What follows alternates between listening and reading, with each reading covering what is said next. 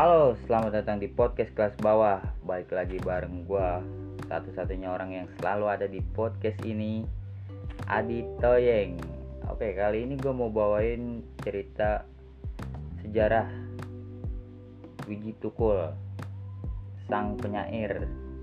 Nah, jadi buat anak-anak muda nih yang malas baca, jadi bisa dengerin podcast ini. Jadi kita sama-sama tahu lah gitu. Oke langsung aja kita ke ceritanya. Judulnya Wiji Tukul 1963 Ini diupload dari akun Ensiklopedia Sastra Indonesia. Oke.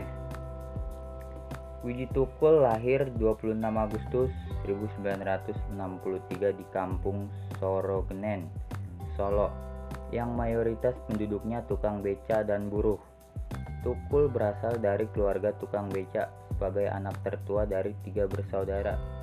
Ia berhasil menamatkan SMP pada tahun 1979, lalu masuk Sekolah Menengah Karawitan Indonesia atau SMKI jurusan tari, tetapi keluar drop out pada tahun 1982.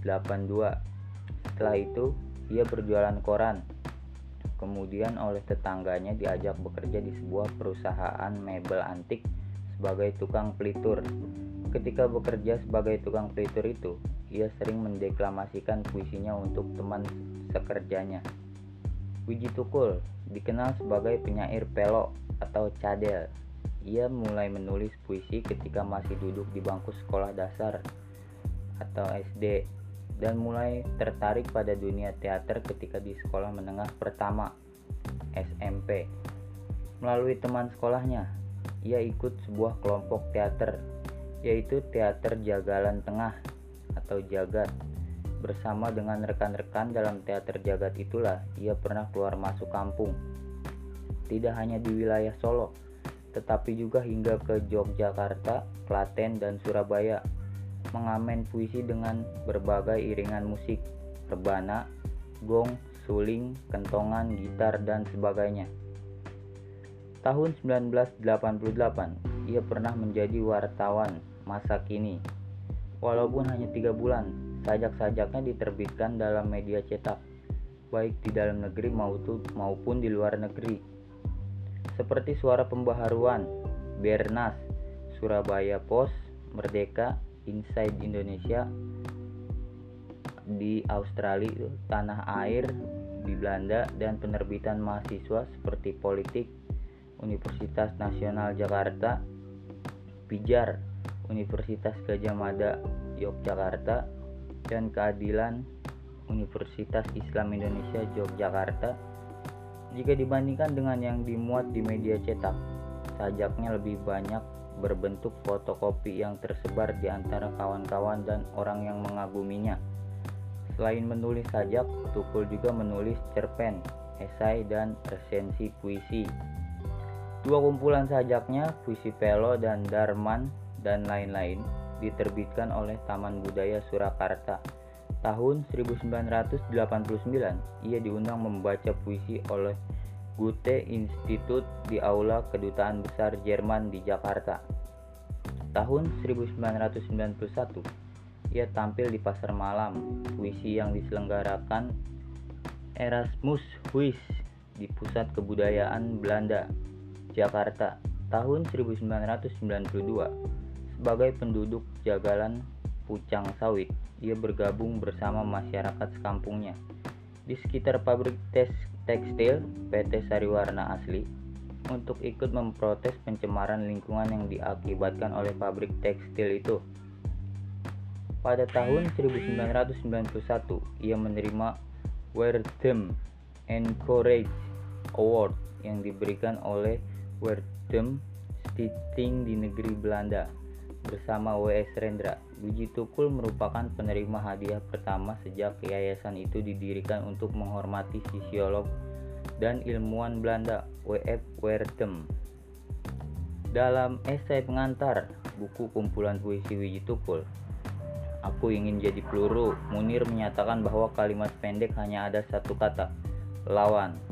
jauh lebih dikenal daripada Wiji Tukul sebagai seorang yang telah menorehkan puisi perlawanan. Dia telah berhasil menemukan api bagi sebuah simbol perlawanan. Kalimat itu telah menjadi semacam roh bagi kebangkitan jiwa-jiwa yang mencoba menemukan kembali jati dirinya, yaitu sebuah kekuatan melawan rejim otorit otoritarianisme. Kalimat itu telah menunjukkan pilihan hidup Wiji Tukul untuk bergabung dengan setiap barisan perlawanan atas rejim militeristik Orde Baru. Pilihan itu bukan pilihan yang mudah. Dia telah membayar mahal, dia telah menjadi korban praktik penghilangan orang. Tukul benar-benar sosok militan yang cukup cerdik untuk menggerakkan dirinya dan anggota masyarakat lain agar peduli akan masa depan. Di balik ketegarannya itu, Tukul adalah pribadi yang penuh misteri, seperti banyaknya lompatan misteri di balik puisi-puisinya. Tentang proses kreatif, Tukul menyatakan dalam pengantar buku Aku Ingin Jadi Peluru halaman XIV bahwa penyair haruslah berjiwa bebas dan aktif. Bebas dalam mencari kebenaran dan aktif mempertanyakan kembali kebenaran yang pernah diyakininya. Oleh sebab itu, Belajar terus-menerus mutlak dilakukan, memperluas wawasan dan cakrawala pemikiran akan sangat menunjang kebebasan berkarya dan fanatik gaya atau tema dapat dihindarkan sehingga proses kreatif tidak terganggu. Belajar tidak harus di bangku sekolah atau di kampus, tetapi bisa di mana-mana dan kapan saja. Di perpustakaan atau membaca gelagat lingkungan atau apa saja pokoknya yang bisa mempertajam kepekaan penyair terhadap gerak hidup dirinya dan hidup di luarnya.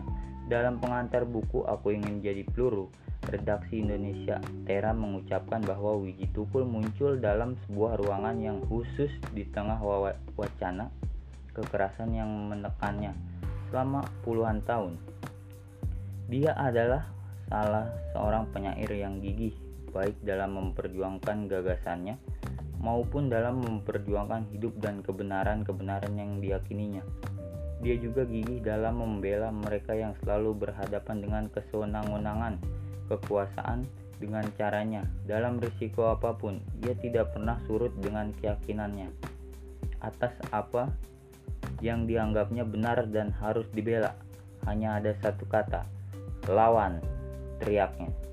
Dalam sampul belakang buku tersebut, Arif Budiman menyatakan membaca puisi Wiji Tukul adalah membaca autobiografi kejiwaan penyair. Dia menceritakan nasib jutaan rakyat Indonesia yang dimiskinkan oleh proses pembangunan yang terlalu menguntungkan kaum elitnya. Nah, jadi itu ya, sedikit cerita dari Wiji Tukul ya, yang gue baca dari Ensiklopedia Sastra Indonesia nah Wiji Tukul ini salah satu penyair idola gue banget gitu gue gue lahir hmm, bukan di zamannya tapi gue banyak buku-buku gue cerita. Gue bacain buku-buku dari Tukul nah gue senang gue itu sama perjuangannya. Sama perjuangannya nih. Nah kayaknya dari cerita dari gue cukup sekian ya. Hmm, terima kasih. Sampai ketemu di podcast kelas bawah selanjutnya. Uhuhu